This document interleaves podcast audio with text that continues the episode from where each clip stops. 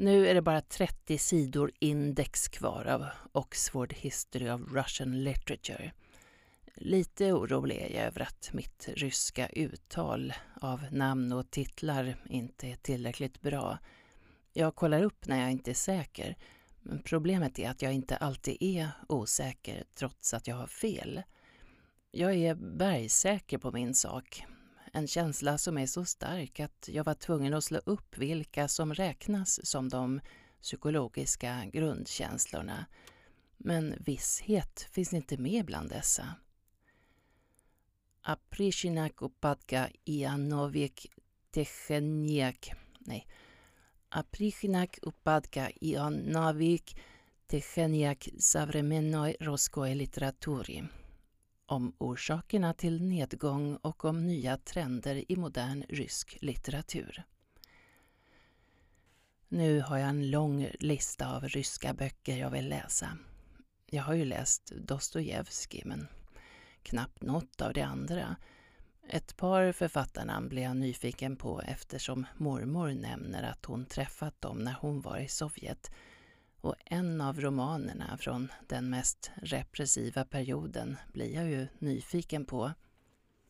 Valentin Kataevs Time Forward, Vremja Vepered, 1932. The story of a single action-packed day on a construction detail of a giant metallurgical plant in the Urals during which a team of concrete casters breaks the world record for units finished in one shift – Emellanåt så sticker jag emellan med ett par kapitel ur en kort roman av J.G. Ballard, The Concrete Island, om en man som kör av vägen och hamnar på en sån där markplätt som blivit över inklämd mellan motorlederna. Han lyckas inte väcka bilisternas uppmärksamhet. Han skadar sig i försöken och blir kvar där som på en öde ö. Fascinerande, smått surrealistiskt, vagt otäckt.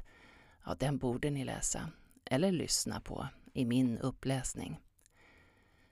Och så har jag fått ännu en omgång erotiska noveller. I och med ljudboksboomen har just erotisk litteratur rusat uppåt på popularitetslistorna.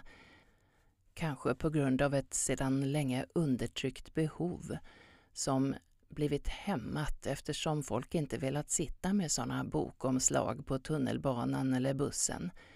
Lyssnaren slipper till skillnad från läsaren oroa sig för att någon ska se vad det är för bok man förlustar sig åt, förutsatt att man har hörlurar förstås.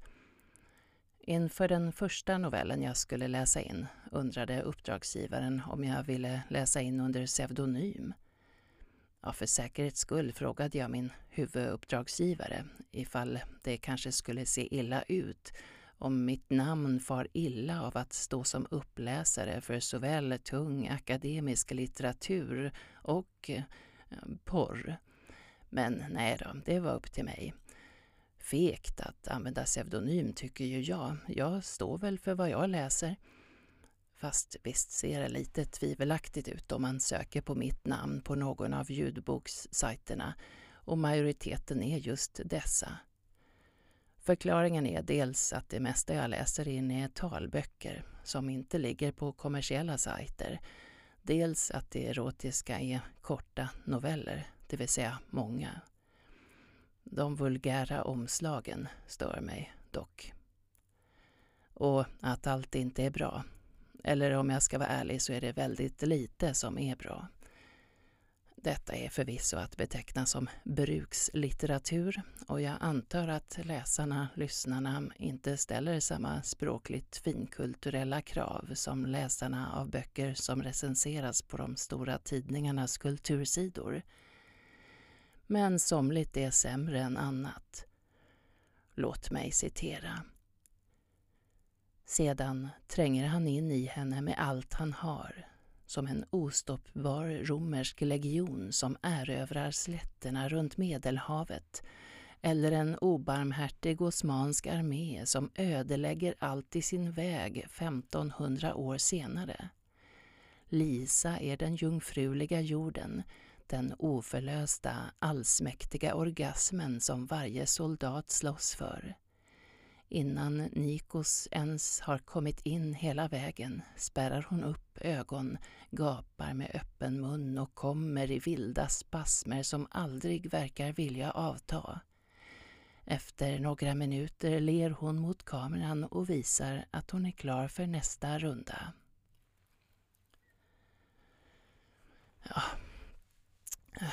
Jag hade tänkt läsa upp den där statistiklistan över könsordsförekomsten. Men så kom jag på att jag körde ju det på stand-upen som jag ju la ut även här i podden. Och jag vill ju inte upprepa mig. Men häromdagen anlände den kanske värsta smörjan jag hittills tvingats läsa.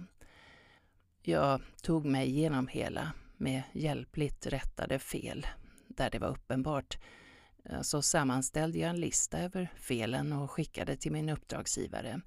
Så nu skickas novellen i retur till författare och översättare. Så jag kommer att få läsa in en ny version.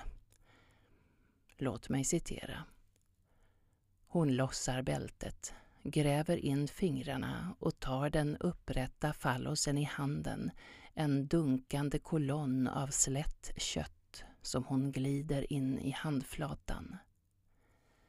Hon slickar varje del av den, täcker ollonet med läpparna, låter dem glida och följa längs den släta och hårda massan som tänder henne så.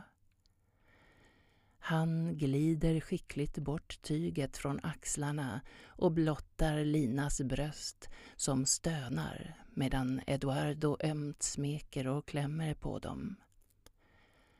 Hans penis som hon drar fram och tillbaka i handflatan. Beröringarna återupplivar fallosen som återigen står upp. Hon tar den i sin hand, smeker den, känner den vibrerande köttpelaren som blir hårdare och hårdare. Återigen gror en intensiv eld i henne som blossar upp när penisen tränger in i hennes kött och svett inte fullt så barnförbjudet, men inte mindre uselt. Citat. Denna ömhetsglöd förvandlas till en brinnande drivkraft. Nej, då känns det plötsligt väldigt lockande att gå tillbaka till den ryska litteraturen. Charoshe Charoshe Atnashenye Kalashadiam. Bra attityd till hästar. Sidan 438. Tack för mig.